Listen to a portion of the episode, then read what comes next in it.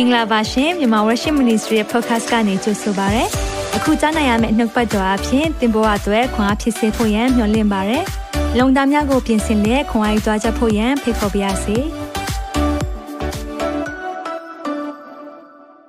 အာမင်ကျွန်တော်ဝန်ခံနေကြအတိုင်းပဲနှုတ်ကပတ်တော်ဟာကျွန်တော်ခြေရှိမှမိခွက်ဖြစ်ကျွန်တော်လမ်းကြီးကိုလင်းစေတယ်ဆိုတော့တစ်ခါလောက်အတူဝန်ခံရအောင်တင်းနှစ်သုံးနှုတ်ကပတ်တော်သည်ကျွန်တော်ခြေရှိမှမိခွက်ဖြစ်၍ကျွန်တော်လမ်းကြီးကိုလင်းစေပါ යි တစ်ခါလောက်အတူဝန်ခံရအောင်နှုတ်ကပတ်တော်သည်ကျွန်တော်ခြေရှိမှမိခွက်ဖြစ်၍ကျွန်တော်လမ်းကြီးကိုလင်းစေပါ යි ဒီနှုတ်ပတ်တော်အပြင်ကျွန်တော်ဘာလုပ်ရမလဲဆိုတာလမ်းလင်းမယ်အာမင်မှောင်နေတဲ့ကိုယ့်ရဲ့အထဲမှာရှိတဲ့အရာတွေကိုဖခင်ရဲ့နှုတ်ပတ်တော်အလင်းကထိုးလိုက်မယ်ဒါပေမဲ့ အဲ့ဒီအလင်းထိုးတာဟာကိုယ်အပိုင်းနေဘာတွေပြင်ရမလဲဆိုတာကိုဖျားဖော်ပြလိမ့်မယ်အာမင်အဲကြောင့်ယုံကြည်ပါတယ်ဒီနေ့မှာဖျားရဲ့လမ်းပြခြင်းနဲ့ပို့ဆောင်ခြင်းရှိဖို့ရန်အတွက်မျှော်လင့်နေကျွန်တော်တို့ဆူတောင်းပေးပါမိတ်ဆွေတို့ခဏလောက်ကျွန်တော်တို့ဆူတောင်းခြင်းနဲ့အစီအစဉ်တွေအတွက်အနံ့ရအောင်ကောင်းကင်ဘုံ၌ရှိသောဖာနာမတော်ချီးမွမ်းတဲ့ဒီနေ့ကိုတော့ဖွင့်ပြတဲ့ဗျာဒိတ်ကျန်ကိုရောကိုတိုင်းရှင်ယောဟန်ကိုရေးသားစေတဲ့ဗျာဒိတ်ကျန်ကိုကျွန်တော်တို့လေး ဆွေးနွေးမှာဖြစ်တယ်လိလာမှာဖြစ်တယ်။တန်ရှင်တော်ဝိညာဉ်တော်ဖျားကျွန်တော်တို့ရဲ့လူညံတဲ့ ပြောဟောတဲ့အရာမဟုတ်ဘဲနဲ့တန်ရှင်းသောဝိညာဉ်တော်ဖခင်ကပြောဟောပြီးနားလည်စေတဲ့အရာဖြစ်စေပါအစီအစဉ်ကိုအနောက်ရှက်ပေးမဲ့ဝိညာဉ်ဆိုးရဲ့လုပ်ရအားလုံးယေရှုနာမ၌ဖယ်ရှားတယ်တန်ရှင်းသောဝိညာဉ်တော်ရဲ့လမ်းပြခြင်းနဲ့ကြွယ်ကခြင်းကိုကြီးညာပါ၏ကျွန်တော်ရဲ့နှုတ်ဆက်ရှာအုံနောက်ချန်စီနဲ့အရာအားလုံးဆက်ပစ္စည်းများလက်ဝဲနာအနန္တနဲ့အထူးသဖြင့်ကိုရောသားသမီးများလုံရအသီးသီးဖွင့်လျက်ခံယူကြတဲ့သားသမီးများပေါ်မှာဘုရားရဲ့ကြွယ်ဝသောကောင်းကြီးမင်္ဂလာတက်ရောက်ပါစေဒီနှုတ်ပတ်တော်ကိုလေ့လာခြင်းအပြင်ကောင်းကြီးဖြစ်စေပါဒီနှုတ်ပတ်တော်နားလည်ခြင်းအပြင်အသက်တာပြင်ဆင်မှုအကြောင်းဖြစ်စေပါယေရှုတင်တဲ့အချိန်တိုင်းသက်တာအားလုံးကိုလက်ဝဲနဲ့အနန္တခါမှာဓမ္မယောသားတော်မြတ်ယေရှုနာမ၌စက္ကန့်နဲ့ဆုတောင်းကြပါ၏ပါအာမင်ကြီးမြတ်တဲ့ဖခင်ကိုလက်ခုပ်တီးကုန်ပြုရအောင်အာမင်ဟုတ်ပြီကျွန်တော်တို့ဒီနေ့အစီအစဉ်ကိုတော့အာဒီရဲ့ခေါင်းစဉ်လေးပေါ့နော်ဒီနေ့အစီအစဉ်ရဲ့ခေါင်းစဉ်လေးကတော့ကျွန်တော်ဒီလိုပေးထားပါတယ်အသင်းတော်ခုနှစ်ပါးအပြင်ကိုသခင်အသင်းတော်များအတွက်နော် sorry အသင်းတော်များအတွက်သခင်ယေရှုရဲ့နောက်ဆုံးစကားနော်ဆိုတော့ဒီအပိုင်းကတော့ episode 1 အပိုင်းတစ်ဖြစ်တဲ့ဗျာဒိတ်ကျမ်းကိုမိတ်ဆက်ပေးခြင်းနဲ့ပြီးရင်ဗျာဒိတ်ကျမ်းရဲ့အရေးကြီးတဲ့အကြောင်းအရာလေးတွေကိုပြောသွားမယ်ပြီးရင်တော့ခုနှစ်ခုနှစ်ခုနှစ်တွဲပေါ့နော်အသင်းတော်ခုနှစ်ပါးအကြောင်းကိုကျွန်တော်ပြောသွားမယ်ဒါကြောင့်မလို့ဒီ season 3ပေါ့နော်ဒီ end time season 3မှာတော့အာအပိုင်း၈ပိုင်းသွားဖို့ရှိတယ်ဆိုတာကိုကြိုတင်ပြီးတော့ပြောပြချင်တယ်ဒီနေ့နှုတ်ပတ်တော်လေးနဲ့ပါတယ်ဒါကြောင့်မလို့ကျွန်တော်ကိုယ်တိုင်သိချင်တဲ့မေးခွန်းလေးတွေကိုကိုကိုမေးကြည့်တယ်။နောက်လူတွေမေးလာတဲ့မေးခွန်းလေးတွေကိုဒီနေ့မှာ အာကျွန်တော်တို့အဲ့ဒီမေးခွန်းပုံစံလေးနဲ့သွားခြင်းတယ်เนาะအဆင်ပြေမဲ့ထင်ပါတယ်เนาะအာနှုတ်ပတ်တော်ကိုဗျာဒိတ်ကျမ်းကိုကြည်ထားပေးဖို့ရန်အတွက်လည်းအားလုံးကိုဖိတ်ခေါ်ခြင်းတယ်ဆိုတော့ဗျာဒိတ်ကျမ်းကတော့ဓမ္မတစ်ရဲ့နောက်ဆုံးမှာရှိတယ်ပြီးရင်ဗျာဒိတ်ကျမ်းကတော့နောက်ဆုံးရေးသားခဲ့တဲ့အာစာအုပ်လည်းဖြစ်တယ်เนาะဒါလေးကိုကျွန်တော်သိသိစေချင်တယ်ဆိုတော့အသင်းတော်များအတွက်သခင်ယေရှုရဲ့နောက်ဆုံးစကားလို့ပြောတဲ့အခါမှာမိခွန်းရှိလာတယ်เนาะဆိုတော့ဒီမှာကဘာလဲဆိုတော့ ဗျာဒိတ်ကျမ်းရေးသားသူဘယ်သူလဲဘယ်နေရာကနေရေးသားတာလဲဘယ်အချိန်ကနေရေးသားတာလဲဒါတွေကိုကျွန်တော်လေ့လာသွားရအောင်เนาะဆိုတော့ဗျာဒိတ်ကျမ်းကိုဘယ်သူရေးလဲဘယ်နေရာရေးလဲဘယ်အချိန်ကရေးလဲစိတ်ဝင်စားဖို့ကောင်းပါတယ်နှုတ်ပတ်တော်နဲ့တွားရအောင်ဗျာဒိတ်ကျမ်းခန်းကြီး1ငယ်1ကနေ2ကိုဖတ်ရအောင်ကာလမကြာမမြင့်မီဖြစ်ရမည်အမှုရာများကာလမကြာမမြင့်မီဖြစ်ရမယ်ဆိုတော့တိတ်ဖွင့်တဲ့ စကားကိုကကိုကာလမကြာမမြင့်မီဆိုတာတိတ်မကြာခင်ဖြစ်မဲ့အရာတွေလို့ပြောတယ်ဒါပေမဲ့ကျွန်တော်တို့သိတဲ့အတိုင်းပဲဒီအကြောင်းရေးလာတာနှစ်ပေါင်း2000ရှိသွားပြီဆိုတော့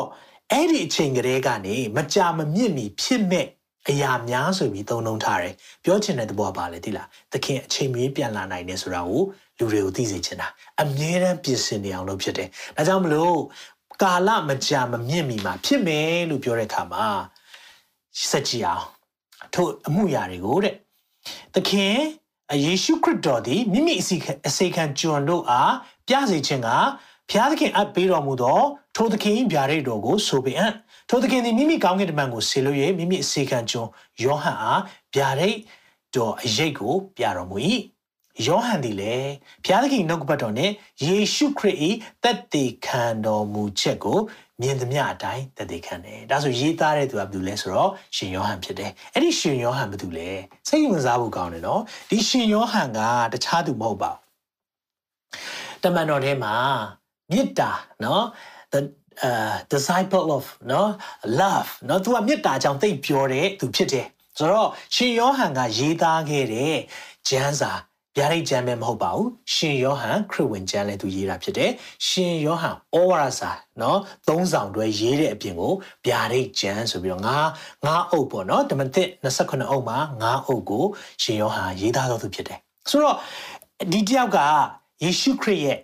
ရင်ဝင်ထဲမှာเนาะဆိုတော့နောက်ဆုံးညစာစားပွဲမှာယေရှုခရစ်ရဲ့ရင်ဝင်ထဲမှာလျှောင်းနေတဲ့တရားဆိုတော့ယေရှုရဲ့ရင်ခုန်တန်ကိုအမြဲကြားနေတတ်တဲ့တရားဖြစ်တယ် နော်ပြီးရင်သူ့ကိုယ်သူအမြဲတမ်းဘလို့တင်စားလဲဆိုတော့ယေရှုချစ်တော်တပည့်တော်အမြဲတမ်းယေရှုချစ်တော်တပည့်တော်သူ့ကိုယ်သူရှင်ယောဟန်ရေးလိုက်တယ်လို့မပြောဘဲနဲ့ယေရှုချစ်တော်တပည့်တော်ဆိုပြီးတော့ရှင်ယောဟန်ခရစ်ဝင်ကျမ်းကိုရေးတဲ့ခါမှာလေဒီလိုပဲသုံးနှုံးတယ်နောက်ပြီးရင်ထူခြားတာကယေရှုခရစ်တော်ဖန်ခံပြီးတော့အားလုံးထွက်ပြေးကြတယ်ဒါပေမဲ့လဝါးကားတိုင်းခြေရင်းကိုရောက်လာတဲ့တမန်တော်နော်၁၂ပါးထဲမှာအဲ့ဒီချိန်မှာ၁၁ပါးပဲကျန်တော့တယ်သို့တော့ ဒီကားတိုင်းခြေရင်းကိုရောက်တဲ့တယောက်ကရှင်ယောဟန်ဖြစ်တယ်နော်ဆိုတော့အဲ့ဒါလေးကိုသိစေချင်တယ်အဲ့ချိန်မှာသခင်ယေရှုကမေတော်မာရိကိုကြည့်ပြီးတော့ယောဟန်အမေကိုဆောင်ရှောက်ပေးပါဆိုတော့အဲ့ဒီချိန်ကနေစပြီးတော့မေတော်မာရိကိုရှင်ယောဟန်ကဆောင်ရှောက်တယ်ဆိုတဲ့အရာကိုလည်းတွေ့ရတယ်ဆိုတော့ယေရှုနဲ့ယဉ်နီးသလားလို့ပြောရင်အယံယဉ်နီးတဲ့တရားဖြစ်တယ်ဆိုတော့ပေတရုယာကုပ်ယောဟန်အဲ့ဒီ 12ယောက်ထဲမှာတော့မှတကယ်အနီးကပ်နေခွင့်ရတယ်3ယောက်ထဲမှာလည်းသူကပါသေးတာဆိုတော့ရှင်ရှင်ယောဟန်ကပြောမယ်ဆိုရင်အားလုံးထဲမှာယေရှုကိုအယံနီးနီးကပ်ခွင့်เนาะရှင်ပေတရုလိုပဲသူလည်းနီးကပ်ခွင့်ရတဲ့တယောက်ဖြစ်တယ်ဆိုတော့ဒါကိုကြည့်ခြင်းအဖြစ်တော်တော်ယဉ်နီးမှာပဲပေါ့နော်ဒါမဲ့နှုတ်ပတ်တော်မှာပြောတဲ့အရာလေးကိုချက်ကြည့်အောင်ဒါကြောင့်မလို့ရှင်ယောဟန်ကရေးတယ်ဆိုတာကိုသိစေချင်တယ်ရှင်ယောဟန်ကတော့ human author เนาะလူလူအပိုင်းရေးသားတဲ့တယောက်ကတော့ရှင်ယောဟန်ဖြစ်တယ်ဒါပေမဲ့ဘသူရဲ့တသက်ခံချက်လဲယေရှုခရစ်ရဲ့ဒါကြောင့်မလို့ divine author မြင့်မြတ်တဲ့เนาะရေးသားတဲ့သူကတော့ရှင်အာသခင်ယေရှုခရစ်တော်ကိုယ်တိုင်ပဲဖြစ်တယ်။ဒါကြောင့်မလို့ဒီစာအုပ်ကိုဘယ်သူရေးလဲလို့ပြောရင်တော့ရှင်ယောဟန်နဲ့သခင်ယေရှုကိုယ်တိုင်ချပြတဲ့အရာဖြစ်တယ်ဆိုတာကိုအရင်ဆုံးသိစေချင်တယ်။ဟုတ်ပြီ။ဒါဆိုကြည့်ရအောင်။ ဘယ်အချိန်လောက်ကရေးလဲ။ဆိုတော့ဒီမှာပုံထဲမှာရှိတဲ့တယောက်ကဘယ်သူလဲဆိုရင်တော့ Roman Emperor Domitian လို့ခေါ်တယ်။တိတ်ဆိုးတယ်နော်။ Nero နော် Nero သူ့ရဲ့ရှေ့ပိုင်းမှာ Nero ဆိုတာရှိတယ်80 90လောက်မှာယေရုရှလင်မြို့ကိုအကြီးအကျယ်ဖျက်ဆီးတာမီးလောင်တဲ့အရာနောက်ပြီးယောမမြို့ကိုကိုယ်တိုင်မီးရှို့တယ်ခရိယန်တွေလောက်တာပါဆိုပြီးတော့ခရိယန်တွေကိုတုတ်တင်ရှင်းလင်းတဲ့တရားဖြစ်တယ်ဆိုတော့ အဲ့ဒါပြီးတော့ဒီတယောက်လာတော့လေတအားဆိုးတယ်ဆိုတဲ့အချိန်မှာရှင်ယောဟန်ကိုဘာလုပ်လဲဆိုတော့နော်တကြုံပို့တယ်ပတ်မှုကျွန်းကိုပို့တယ်ဆိုတာဒါကြောင့်မလို့အဲ့ဒီဥစ္စာကိုကျွန်တော်တို့လေ့လာတဲ့ဆက်ဆက်ကြည့်လိုက်တဲ့အခါမှာသူတည်ပြီးတဲ့အခါမှာနော် dimension တည်ပြီးမှရှင်ယောဟန်ကပြန်လာခွင့်ရတယ်ဆိုတော့အဲ့လိုပြန်လာခွင့်ရတဲ့အတွက်ရေးသားချိန်ဟာ AD 95ဝန်းကျင်လောက်ဖြစ်မယ်လို့အာဒီ scholar တွေကသတ်မှတ်ကြတယ် အဲ့တော့ဒါလေးကိုသိစေချင်တာအကြောင်းရှိတယ်။ဘာကြောင့်လဲလို့ပြောတဲ့အခါမှာတချို့လူတွေကဒီဗျာဒိတ်ကြံကြီးက AD 80တုန်းကပြည့်စုံပြီးသွားပြီလို့ခံယူတဲ့တပွဲရှိတယ်။တကယ်တော့ AD 80မှာပြည့်စုံပြီးသွားပြီဆို AD 95မှာဘာကြောင့်ရေးမှာလဲ။အဲ့ဒါကိုသိစေချင်လို့ဖြစ်တယ်။ဒါကြောင့်မလို့ဒီရဲ့စာအုပ်ကမပြည့်စုံသေးတာတွေအများကြီးရှိတယ်ဆိုတာသိစေချင်တယ်နော်။ဆိုတော့ဒါကိုကျွန်တော်တို့က ရှင်းရှင်းလင်းလင်းအရင်ဆုံးသိဖို့ဖြစ်တယ်။ဆိုတော့အဲရေးသားတဲ့နေရာဘယ်နေရာလဲဆိုတာကိုပြောပြချင်တယ်ခုနပြောသလိုပဲဖတ်မှုကျော်သူကိုယ်တိုင်ပဲဒီမှာရေးထားတယ်ဗျာဒိတ်1အငယ်9နဲ့10မှာ7မှာဘယ်လိုပြောလဲဆိုသခင်ယေရှုခရစ်ဤဆင်းရဲခြင်းဒုက္ခမှဆာ၍နိုင်ငံတော်ကို၎င်းတီးခံတော်မူခြင်းကို၎င်းသူတို့နဲ့အတူဆက်ဆံသောအပေါ်ဘကသင်တို့အကိုငါယောဟန်သည်ဖျားသခင်နှုတ်ပတ်တော်နဲ့ယေရှုခရစ်တက်တည်ခံခြင်း တက်တည်တက်တည်ခံတော်မူချက်ကြောင့်เนาะဆိုတော့ဖခင် gospel ကြောင့်ပြောမယ်ဆိုရင်တော့ယေရှုအကြောင်းတက်တည်ခံလို့ဘယ်ကိုပို့ခံရလဲပတ်မှုကျော်အဲ့ဒီအရှိပိုင်းမှာဘာဖြစ်ဘူးသေးလဲဆိုတော့စီပူတဲ့ကိုထည့်ပူသေးတယ်လို့ဒီအရင်တုန်းကဒီအသင်းတော်သမိုင်းတွေမှာရေးသားထားတာကိုတွေ့ရတယ်အဲ့တော့စီပူတဲ့ထည့်တော့လေ မသေးဘူးမသေးတော့နောက်ဆုံးသူ့ကိုပတ်မှုကျုံပို့တယ်ပတ်မှုကျုံပို့တဲ့ခါမှာအစားတောက်တွေပါတယ်ကိုဟာကိုစီစဉ်ရတာဒါမျိုးတွေကထားပေးတာမဟုတ်သေချင်းသေးတော့ဆိုပြီးတော့တကြွန်းပို့လိုက်တဲ့သဘောဖြစ်တယ်နော်ဆိုတော့အဲ့သူကျွန်းပေါ်မှာရောက်တဲ့အချိန်မှာစဉ်းစားကြည့်အောင်ဒီအချိန်မှာတခြားသူနဲ့လှုပ်ဖို့ဆောင်ဖက်တွေဖြစ်တဲ့တခြားတပည့်တော်တွေတရားမှမရှိတော့အားလုံးတတ်ခံပြီးပြီနော်ဆိုတော့ရှင်ပေါလုကိုယ်တိုင်လည်းမရှိတော့အဲ့လိုအချိန်မှာ तू အရန်အားငယ်နေတဲ့အချိန်ပဲဒါပေမဲ့အဲ့လိုအားငယ်နေတဲ့အချိန်မှာလေဖခင်ကလေ လေးနဲ့တဲ့တကယ်ကိုထူးခြားတဲ့ဗျာဒိတ်တော်တွေဖွင့်ပြတတ်တယ်။ဒါကြောင့်မိတ်ဆွေကိုအရင်ဆုံးအားပေးခြင်းတယ်။တခါလေမှာကိုယ့်ရဲ့အသက်တာမှာတိတ်အားငယ်ပြီးတော့ဘာဆက်လုပ်ရမှန်းမသိဘူးခံစားနေရလား။အဲ့ဒီအချိန်မှာတကယ်တော့လေဖခင်ကတင့်ကိုလေးနဲ့တဲ့ဗျာဒိတ်တော်တွေတနည်းအားဖြင့်သူ့အကြောင်းကိုပိုသိဖို့ရန်အတွက်လှုပ်ဆောင်စေတဲ့အချိန်ဖြစ်နေတတ်တယ်။ဒါကြောင့်အားငယ်တဲ့မိတ်ဆွေဒီချိန်မှာအားငယ်တဲ့အခါမှာတခါလေကိုယ်နော်ပတ်ဝန်းကျင်က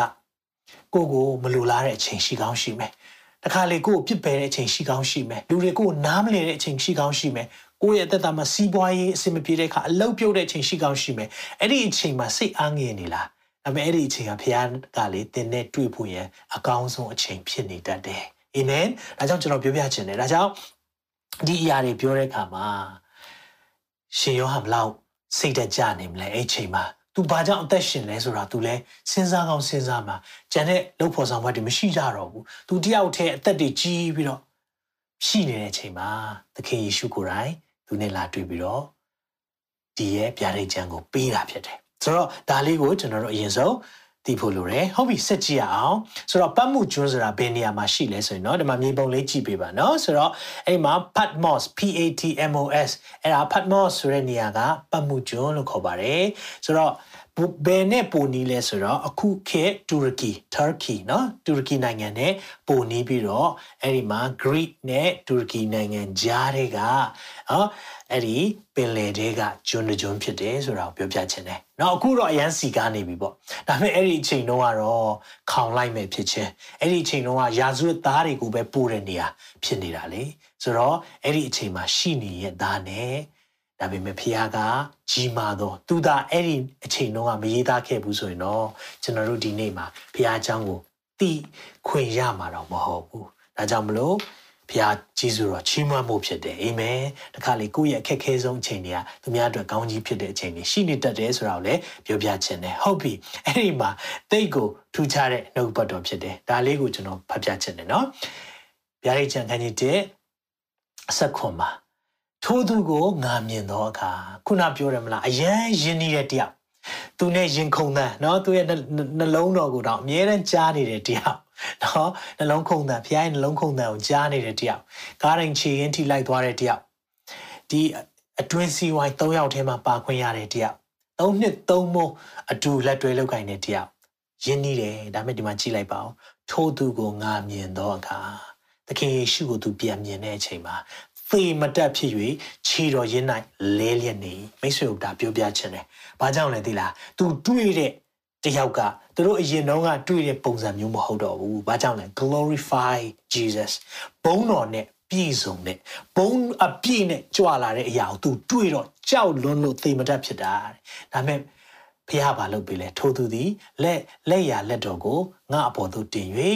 ကြောက်ရွံ့ခြင်းမရှိနဲ့ဖះကျွန်တော်တို့အမြဲတမ်းပြောတာမကြောက်နဲ့ do not be afraid အမြဲတမ်းကောင်းကင်တမန်တွေ့ပြီဆိုလဲလူတွေကကြောက်လို့တုန်တဲ့ချိန်မှာ do not be afraid မကြောက်နဲ့ဖေကအမြဲတမ်းကျွန်တော်တို့ကိုခွန်အားပေးတဲ့စကားမကြောက်နဲ့ငါဒီအဦးသောသူနောက်ဆုံးသောသူ alpha and omega အစနဲ့အဆုံးဖြစ်တယ်ဆိုတာကိုပြောပြသွားခြင်းပြောပြသွားခြင်းဖြစ်တယ်ဒီမှာကျွန်တော်ဗာနာလဲရလဲသခင်ယေရှုကိုကျွန်တော်တို့ကလေ အာငါတို့ကောင်းကင်ရရင် hi ကိုတို့ hi လုပ်မယ် hello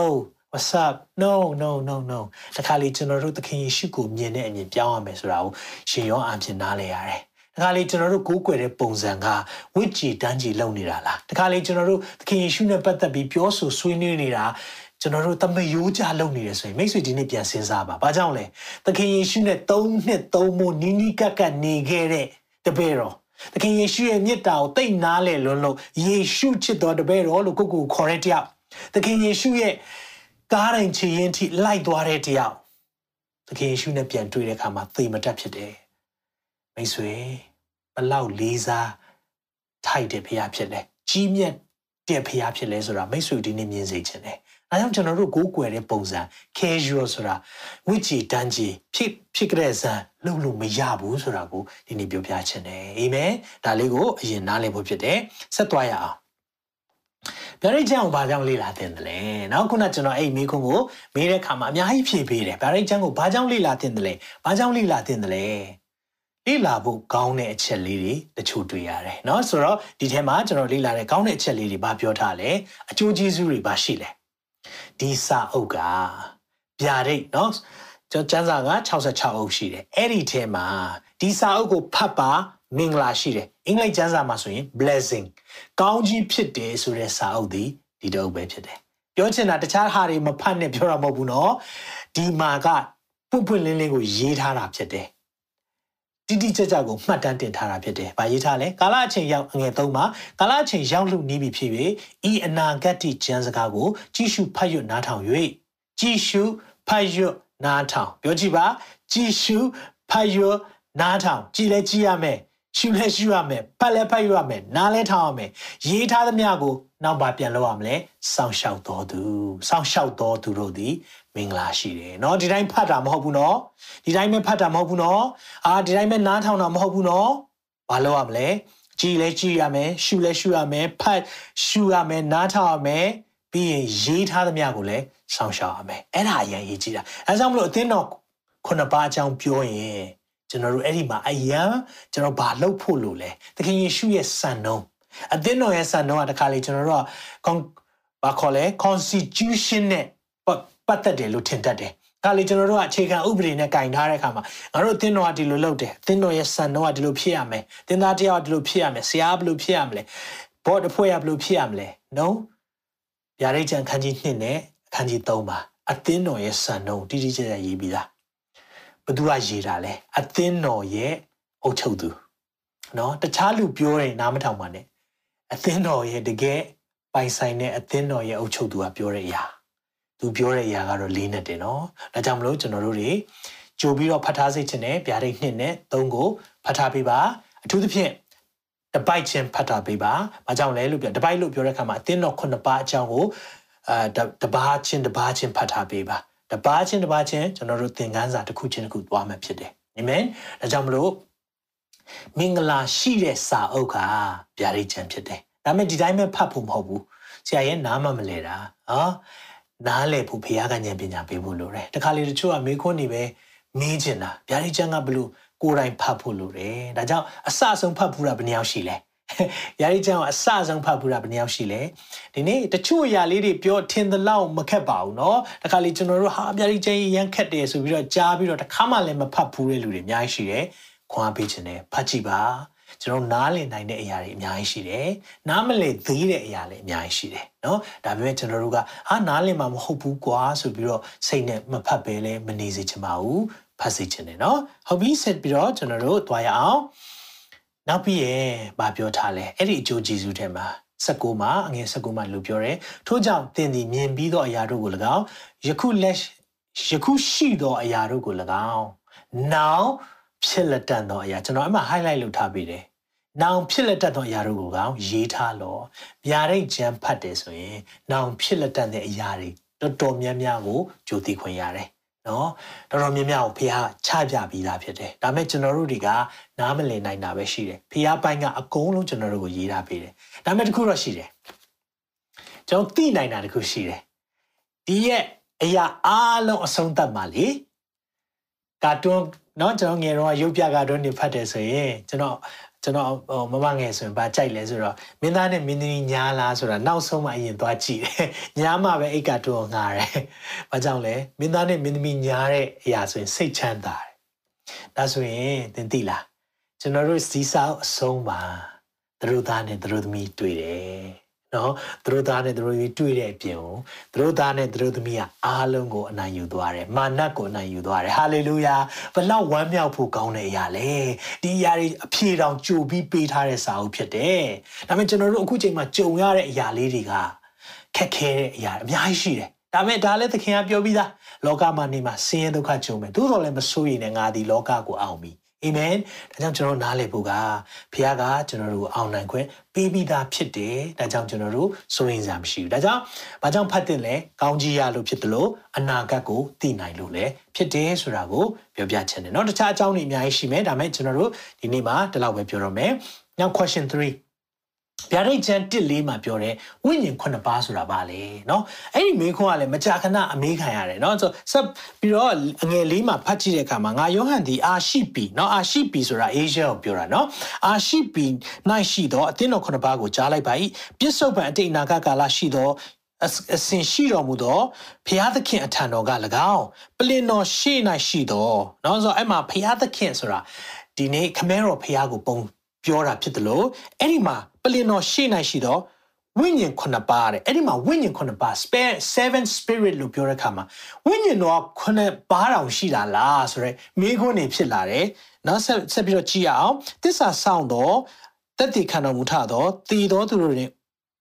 သားဥဖြစ်တော်မူထသောလောကီဘီရင်တို့တို့ဤအထွတ်ဖြစ်တော်မူသောယေရှုခရစ်တော် ထံက၎င်းဂျေဇုတော်နဲ့နိုင်နိုင်သက်ခြင်းသည်တင်တို့၌ရှိပါစေတော့တဲ့အဲ့ဒီမှာဘာပြန်တွေ့ရလဲ Trinity ပြန်တွေ့ရတယ်ပြောချင်တာခမဲတော်လည်းတွေ့ရတယ်ဝိညာဉ်တော်လည်းတွေ့ရတယ်သားတော်လည်းတွေ့ရတယ်တွေ့လားဒါကြောင့်မလို့ triplet ဆိုတာနော်ဟို၃ခု၃ခုအရာအားလုံးကိုဒီမှာတွေ့နေရတယ်အဲကြောင့်မလို့ကျွန်တော်နားလည်ဖို့က Trinity ဆိုတဲ့ doctrine ဒါကတချို့တွေပဲလက်ခံတာပါမဟုတ်ဘူးเนาะသုံးပါးတစ်လုံးတော့ဖြစ်ခြင်းကိုလည်းဒီနှုတ်ကပတ်တော်မှာပြန်တွေ့ရတယ်ဒါဆိုဟုတ်ပြီမိခွန်ကအဲ့ဒီဝိညာဉ်ခုနှစ်ပါးလို့ပြောတဲ့အရာเนาะဆိုတော့ဝိညာဉ်ခုနှစ်ပါးဘာကြီးလဲเนาะဆိုတော့ဝိညာဉ်ခုနှစ်ပါးလို့ပြောတဲ့အခါမှာခုနှစ်ကဏ္ဍနဲ့ပတ်သက်ပြီးတော့ကျွန်တော်နည်းနည်းပြောပြချင်တယ်ခုနှစ်ကဏ္ဍက completion ပြည့်စုံခြင်းဆိုတဲ့အဓိပ္ပာယ်ဖြစ်တယ်ဆိုတော့ဝိညာဉ်တော်ဟာပြည့်စုံခြင်းကို ပုံဆောင်တာဖြစ်တယ်လို့အဲ့ဒီခုနှစ်ကဏ္ဍကိုဒီဗျာဒိတ်ကျမ်းမှာအကျိန်90နဲ့မှ4ကျိန်သုံးထားတယ်เนาะဆိုတော့7เนาะ7ဆိုတဲ့အရာတွေ50နဲ့မှ4ကျိန်သုံးထားတယ်လို့ဒီရဲ့ပြည့်စုံခြင်းနဲ့ fullness ဆိုတာပြည့်ဝခြင်းပြည့်စုံခြင်းပြည့်ဝခြင်းကိုပုံဆောင်တယ်ဆိုတော့ဒါဆို7 spirit ကပါလေ နော်ဟေရှာယ7ထဲမှာတော့ဒီအကြောင်းအရာလေးကိုအနေငယ်တွေ့ရတယ်နော်ဆိုတော့ကျွန်တော်ရဲ့ထင်မြင်စချက်ကောနောက်ပြီးတော့ scholar တွေလေ့လာကြည့်တဲ့အခါမှာ7 spirit ကဘာဖြစ်မလဲဆိုရင်တော့ဟေရှာယ7မှာရေးထားတဲ့အရာလေးဖြစ်တယ်ဒါပေမဲ့မြန်မာကျမ်းစာမှာခုနှစ်ကဏ္ဍလေးတိတ်မပေါ်ပဲနဲ့အင်္ဂလိပ်ကျမ်းစာမှာတော့ခုနှစ်ပါးဆိုတဲ့ပုံစံလေးပေါ်တာကိုတွေ့ရလို့ကျွန်တော်နှစ်ခုလုံးကိုရှင်းပြီးတော့ရေးထားပေးတယ်เนาะဆိုတော့ကျွန်တော်အင်္ဂလိပ်လိုအရင်သွားလိုက်မယ်เนาะ Isaiah 11 uh, verse 2 to 3မှာဘယ်လိုပြောလဲဆိုတော့ the spirit of the lord အဲ့ဒီမှာတစ်ဖြစ်နေပြီเนาะဆိုတော့ရေးတွက်ကြည့်အောင်เนาะ the spirit of the lord တန်ရှင်တော်ဝိညာဉ်တော်လို့ပြောတာဖြစ်တယ် will rest on him the spirit of wisdom နှစ်ခုတွေ့တယ် and of understanding သုံးခုတွေ့တယ်เนาะ wisdom လို့ပြောတဲ့အခါမှာဉာဏ် understanding ကြတော့ပညာပေါ့เนาะဆိုတော့မြန်မာကျမ်းစာမှာတော့ဉာဏ်ပညာအဲ့လိုလောက်ထားတာပေါ့เนาะဆိုတော့ နော်ပြီးရင်ဆက်ကြည့်တဲ့အခါမှာ the spirit of counsel ကြံစီတက်ဆွမ်းနိုင်တဲ့အရာဖြစ်တယ်လို့ of might တတိပေးတဲ့အရာဖြစ်တယ်ပြီးရင် the spirit of the knowledge သာရဖျားကိုသိတဲ့အရာနဲ့ပြီးရင် the spirit of fear of the lord ဆိုတာအဲ့ဒီမှာကြည့်တဲ့အခါမှာခုနှစ်ခုတွေ့ရတယ်မြန်မာကျမ်းစာမှာကြီးလိုက်တဲ့အခါမှာသာရဖျားကြီးဝိညာဉ်တော်ဆို okay အမှရှိတယ်ပြီးရင်ဉာဏ် ပြီးရင်ပညာပြီးရင်ကြံစီတက်ဆွမ်းနိုင်တာရဲ့တတ္တိရဲ့ဖျားကိုတိတာရဲ့ကြောက်ရွံ့သောသဘောเนาะတောက်ကြောက်ရွံ့နေဆိုတာဖျားကိုကြောက်ရွံ့ခြင်းကိုပြောတာအဲ့ဒီမှာခုနှစ်ခုအဲ့လိုခွဲလိုက်မှပဲခုနှစ်ခုပြည့်စုံတယ်ဆိုတာကိုတွေ့ရတယ်เนาะဆိုဒါကြောင့်မလို့ကျွန်တော်နှစ်ခုလုံးကိုရှင်းပြီးပြပေးတာဖြစ်တယ်ဒါကြောင့်ဒါဆိုရင်ခုနပြောတဲ့ seven spirit of god ဘာလဲလို့ပြောတဲ့အခါမှာဒီအရာလေးတွေဖြစ်တယ် spirit of the lord သာရဖျားဝိညာဉ်တော်ဉာဏ် ပညာ counsel ဉာဏ်စီတက်ဆွမ်းနိုင်ခြင်း thirty might and the spirit of the knowledge ထာဝရဘုရားကိုသိခြင်းရဲ့ပြီးရင်ထာဝရဘုရားကိုကြောက်ရွံ့တဲ့သဘောဖြစ်တယ်เนาะဒါလေးကိုပြောပြချင်တယ်ဟုတ်ပြီဆက်ပြီးသွားရအောင် စေရှင်ယေရှုကဘာလို့လဲသခင်ယေရှုရဲ့လှုပ်ဆောင်ခြင်းကဘာတွေလဲသခင်ယေရှုကဘာလို့လဲနောက်သခင်ယေရှုရဲ့လှုပ်ဆောင်ခြင်းကဘာတွေလဲဒီအရာအဖြစ်ယုံကြည်သူတွေကိုဘာဖြစ်စီတယ်လဲဒါကိုနှုတ်ကပတ်တော်မှာဆက်ကြည့်တဲ့အခါမှာဒီသခင်ယေရှုရဲ့လှုပ်ဆောင်ခြင်းနဲ့သခင်ယေရှုပေါ်လာတဲ့အခါမှာဘယ်လိုမျိုးတွေ့လဲနောက်ဆိုတော့ရှင်ယောဟန်ဆိုရင် तू ကအာ80 33เนาะဒါပေါ့เนาะအဲ့ဒီဝင်းကျင်ပေါ့เนาะကျွန်တော်တို့80 33ဝင်းကျင်မှာသခင်ယေရှုကရှင်ရှင်ပြန်ထမြောက်ပြီးကောင်းကင်ကို တက်သွားတဲ့အချိန်မှာ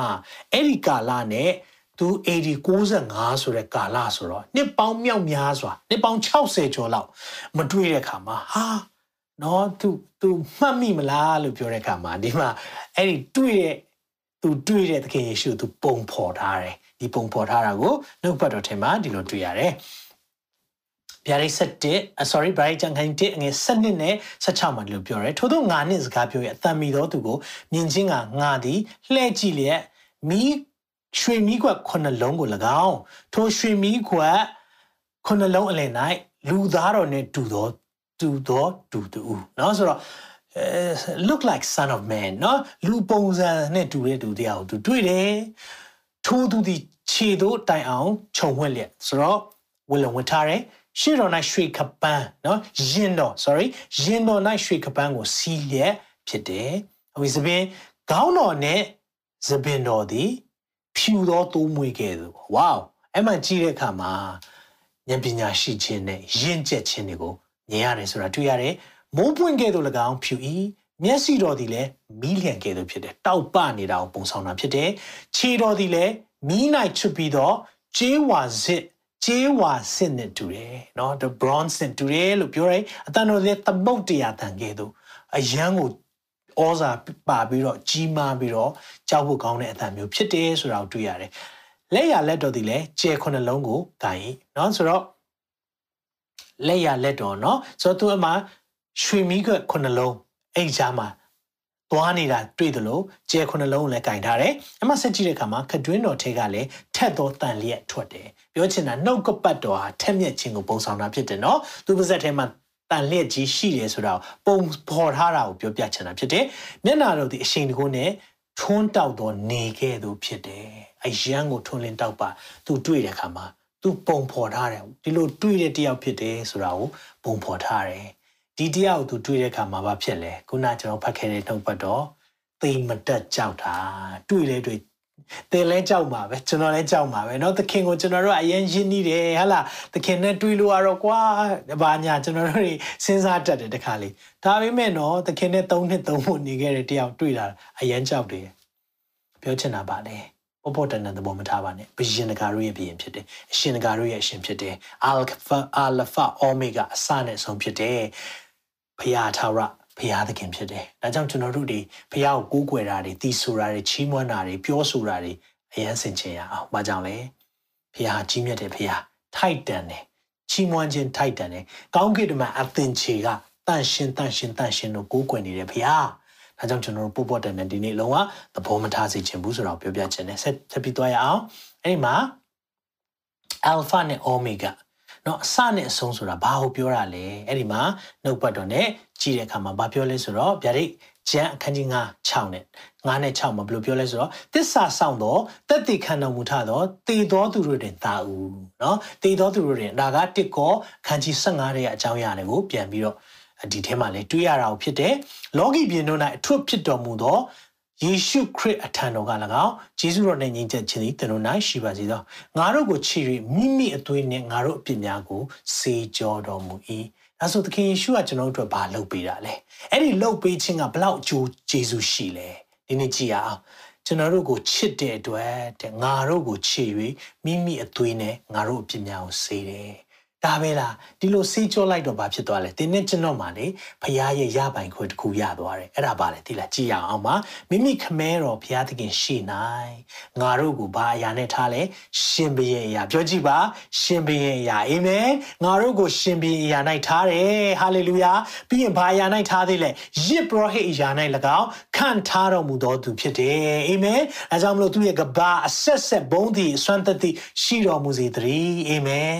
ဒါကျွန်တော်တို့ကိုလှုပ်ဆောင်ပေးတဲ့အရာခုနမေခွန်ယေရှုဘသူလဲပုံဖော်ပြထားတယ်သူ့ရဲ့ပုံစံဒါဆိုသခင်ယေရှုဘာလုပ်ပေးလဲချစ်လွန်းလွန်းအသွေးနဲ့အဖြစ်စေကြောပေးတယ်အဲ့ဒီစေကြောပေးလိုက်တဲ့အတွက်ကောကျွန်တော်တို့အတွက်ဘာရပိုင်ခွင့်ရှိသွားလဲဘယင်အရာနဲ့ယေဘရဟိအရာတွေရသွားတယ်ဘသူရှိမှလဲလောကီလူသားတွေရှိဆိုရင်မပြောလို့ပါဘူးတကယ်တော့ဘသူရှိမှလဲမိမိဖျားခမဲတော်ဖျားသခင်ရှိမှာပြောချင်တာ the creator of the universe တကယ်အကြီးမြတ်ဆုံးသော ဖခမဲတော်ရှေ့မှာတော့မှကျွန်တော်တို့ဟာမင်းသားတွေရှင်ဘီရင်တွေယစ်ဘရဟိအရာပေးခွင့်ရတယ်ဟာလေလုယာဒါလောက်ကျွန်တော်တို့ကိုချစ်တဲ့ဖခင်ရှိတယ်ဆိုတာကိုမိတ်ဆွေကိုသိစေခြင်းတယ်လူတွေကတင့်ကိုနှိမ်ကောင်းနှိမ်လိုက်မယ်တင်ဘာမှမဟုတ်ပါဘူးလို့ပြောကောင်းပြောလိုက်မယ်ဒီနေ့မှလေခရစ်တော်ကိုယထားပြီးရင်တင့်မှာ confidence ရှိပါခရစ်တော်ကိုယထားပြီးပြီဆိုတင့်ဟာရှင်ဘီရင်ဖြစ်တယ်ရှင်ဟာတင့်ဟာယစ်ဘရဟိအရာမှာခံထားတော်သူဖြစ်တယ်ဒါကြောင့်ကျွန်တော်တို့ဒီဟာ let's act like king let's act like praise amen ကျွန်တော်တို့ရဲ့ပြုမှုဆက်ဆံတဲ့ပုံတွာလာတဲ့ပုံဟာရှင်ပြင်ကဲ့သို့သွားဖို့လိုတယ်ပြောချင်တာပါလေကျွန်တော်တို့ဒီနေတဲ့ထိုင်တဲ့ပုံစံဟာတကယ်ကိုတန်ရှင်းဖို့တကယ်ကိုမြင့်မြတ်ဖို့တကယ်ဖျားနှစ်သက်ဖွယ်သောအသက်တာနဲ့အသက်ရှင်ဖို့ဖျားလိုတော့ရှိတယ်အာမင်ဆက်ပြီးတော့သွားရအောင်မိခွန်း9ရောက်လာပြီဒါဆိုရင်အငယ်1ဗျာဒိတ်ကျန်ခန်းကြီး1အငယ်ခွန်မှာ ဒီအဲ့ဒီမှာဖတ်ကြည့်အောင်နော်ဘာပြောတာလဲအဲ့ဒီမှာကြည့်ရှုလောမိုးတိမ်နဲ့တကွာကြွလာတော်မူသောကြွလာမူသည်ဖြစ်၍ကိုရောကိုထိုးဖောက်သောသူတို့နဲ့ရှိသမျှသောသူတို့သူတို့သည်ကိုရောကိုကြည်ကိုရောကိုရှုမြင်ရကြလိမ့်မည်။မြေကြီးသားအမျိုးမျိုးရှိသမျှတို့သည်ကိုရောကြောင့်ငိုကြွေးမိတမ်းရကြလိမ့်မည်။မှန်ပေ၏။အာမင်တဲ့။ဒီမှာတွေ့တဲ့အခါမှာဗာကြည့်ကိုရောကိုထိုးဖောက်သောသူ ဘာလို့လဲထိုးဖောက်တဲ့သူတွေကဂျူးလူမျိုးတွေပေါ့နော်ကိုရောကိုတတ်တဲ့သူတွေနော်ရိုမန်တွေရှိတယ်သူတို့ကိုသူတို့တွေနဲ့တဲ့ရှိသမျှသောသူတွေဆိုလူအားလုံး everyone သူတို့တွေ့လိမ့်မယ်တဲ့ဒါဆိုရင်ဒါက rapture လား second coming လားဆိုတာเนาะကျွန်တော်သိဖို့ဖြစ်တယ်ဆိုတော့လေ့လာကြည့်သလောက်เนาะကျွန်တော်ဒီအကြောင်းကို rapture နဲ့ second coming နှစ်ခုဟာသီးခြားဖြစ်ရဆိုတာကိုကျွန်တော်တို့ အာတက်တည်အထောက်ထား၈ခုနဲ့အရင် season 2တော့ကပြောပြီးပြီဖြစ်တယ်။ဒါမဲ့တချို့လူတွေဒီနေ့မသိတဲ့လူတွေရှိမှာမို့လို့ကျွန်တော်တချို့အချက်လေးတွေပြောပြချင်တယ်။ဟုတ်ပြီ။ကြည့်တဲ့အခါမှာဒီအရာက rapture တဲ့ second coming ဆိုတာကိုပြောပြချင်တယ်။ဘာကြောင့်လဲဆိုတာပြောပြမယ်။ rapture ကြတော့ဒီမှာ Corin to over ဆိုတာပထမဆုံးခန်းကြီး15ငယ်51နဲ့52မှာဒီလိုပြောတယ်။နည်းနည်းတော့အရာတစ်ခုပြမယ်။ငါတို့ရှိသမျှတွေအိပ်ပျော်ရကြသည်မဟုတ်တော့လေနောက်ဆုံးသောသဘောမှုတ်သောအခါတခဏချင်းတွင်ဘာလို့ပြောလဲမျက်စိတမိတ်၌တခဏချင်းမျက်စိတမိတ်၌ငါတို့ရှိသမျှတွေပြောင်းလဲခြင်းတို့ရောက်မယ်။တေလွန်တဲ့အရာတွေမပုတ်နိုင်တဲ့အရာထမြောက်ပြီးတော့ပြောင်းလဲမယ်။ဟုတ်ပြီ။ဒါဆိုရင်ခုနကျမ်းစာကိုကြည့်တဲ့အခါမှာကိုရောကိုထိုးဖောက်တဲ့သူတွေရောရှိသမျှသောသူတွေကတွေ့မယ်တဲ့။ ဒါကတော့တီးကြဖြစ်ရဖြစ်နေတယ်။ဘာကြောင့်လဲဆိုတော့ဒီမှာ rapture ကြတော့မျက်စိတမိတ်လျက်တစ်ပြက်အတွင်းမှာပါသွားတာဘယ်သူမှတွေးလိုက်ဒါပေမဲ့ဒုတိယအချိန်ကြွလာတဲ့အခါကျရင်တော့ရှိသမျှသောသူနဲ့ကိုရောကိုတတ်တဲ့သူတွေအားလုံးကလည်းမြင်လိမ့်မယ်။ပြောချင်တာက second coming ကိုပုံဆောင်တဲ့နှုတ်ပတ်တော်ဖြစ်တယ်ဆိုတာကိုသိစေချင်တယ်။ဟုတ်ပြီနော်။ဒါကြောင့်မလို့ ဒီမှာကြည့်လိုက်ခါမှာ rapture နဲ့ second coming rapture ဆိုတာခြီဆောင်ခြင်းဖြစ်တယ် second coming ဆိုတာဒုတိယအချိန်ကြွကြွလာခြင်းဖြစ်တယ်ဘာကိုကြွားချလဲ rapture မှာ the world will not see Jesus လောကလူသားတွေယေရှုကိုတွေးလိုက်မှာမဟုတ်ဘူး။ဘာကြောင့်လဲ။မျက်စိတမိတ်လှည့်ထွက်ထဲမှာပါသွားမှာ။ဘယ်သူမှတွေးလိုက်မှာမဟုတ်။ကိုတော်မှမျက်စိတမိတ်ထဲမှာပါသွားမှာဖြစ်တယ်နော်။အဲ့ဒါကိုသိစေချင်တယ်။ဒါပေမဲ့ second coming ကြတော့ the whole world will see Jesus အရာအလုံးကိုတွေးလိုက်မယ်။ ပြီးတော့ rapture ဒီ imminent ဖြစ်တယ်ဆိုတာချက်ချင်းဖြစ်နိုင်တဲ့အရာဖြစ်တယ်ဒီညလည်းဖြစ်နိုင်တယ်အခုဟောနေတဲ့အချိန်လည်းဖြစ်နိုင်တယ်ဒါကိုနားလည်စေချင်တယ်ဒီ prophet ပြုချက်တွေအားလုံးပြည့်စုံရမယ်ဆိုတာမျိုးတော့မဟုတ်ဘူးဆိုတာကို scholar တွေအများအားပြောတယ် imminent ဖြစ်တယ်ဆိုတာအချိန်မီပြင်ဆင်ထားရမယ့်အရာဖြစ်တယ်ဆိုတာကိုသိစေချင်တယ်ဒါပေမဲ့ second coming ကြတော့ကြိုသိနိုင်တဲ့အချက်ရှိတယ်ဘာတွေကြိုသိနိုင်လဲဘေးဒဏ်ကြီး9နှစ်ရဲ့ ဆိုင်းနေခုနှစ်နှစ်လုံးဒုက္ခဆင်းရဲခြင်းတွေရှိတဲ့အခါမှာဒီအရာအဖြစ်ဘယ်နှစ်နှစ်ဘယ်နေရာရောက်နေပြီဘာဖြစ်နေပြီဆိုတာကြိုသိနိုင်တယ်။ဒါကြောင့် rapture ကတော့ကြိုမသိနိုင်ဘူး။ second coming ကတော့ခုနှစ်နှစ်တောင်မှဘေးဒဏ်ကြီးကာလမှာကြုံတဲ့အရာတွေတွေ့ရအောင်မယ်ဆိုတာကိုကြွားချချက်ရှိတယ်။ဒါကြောင့်ခုနကျမ်းပိုက်ကိုကျွန်တော်ပြန်ကြည့်တဲ့အခါမှာဒါ rapture လား second coming လားဆိုရင်ဒါဒီ second coming အတွက်ရည်ညွှန်းတဲ့ ကျမ်းစာဖြစ်တယ်ဆိုတာကိုပြောပြချင်ပါတယ်။ဟုတ်ပြီနော်။ဟုတ်ပြီဒါဆိုကျွန်တော်နောက်တစ်ခုကြည့်အောင်။ခင်ရှုပြောတဲ့ alpha နဲ့ omega ဆိုတာဘာကိုဆိုလိုတာလဲ alpha နဲ့ omega เนาะဆိုတော့ဒီမှာကြည့်တဲ့အခါမှာငါသည် alpha ဖြစ်၏အငယ်ရှမှာ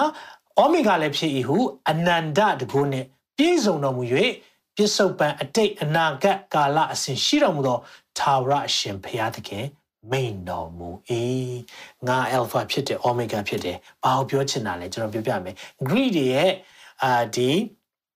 ဘီတရာလို့ခေါ်မှာပေါ့နော် alphabet မှာဘာတွေ့ရလဲဆိုတော့ alpha ဆိုတာအဲ့မှာ a လေးကိုကြည့်လိုက်ပါအောင်နော်ဆိုတော့ကျွန်တော် alpha ဆိုတဲ့ a လို့အသေးလေးနော်အဲ့ဒါ alpha ဖြစ်တယ်နောက်အဆုံးနော်ဆိုတော့ဒီမှာသူတို့ဆိုရင်1 2 3 4 5 6 4 24နော်ဆိုတော့အင်္ဂလိပ်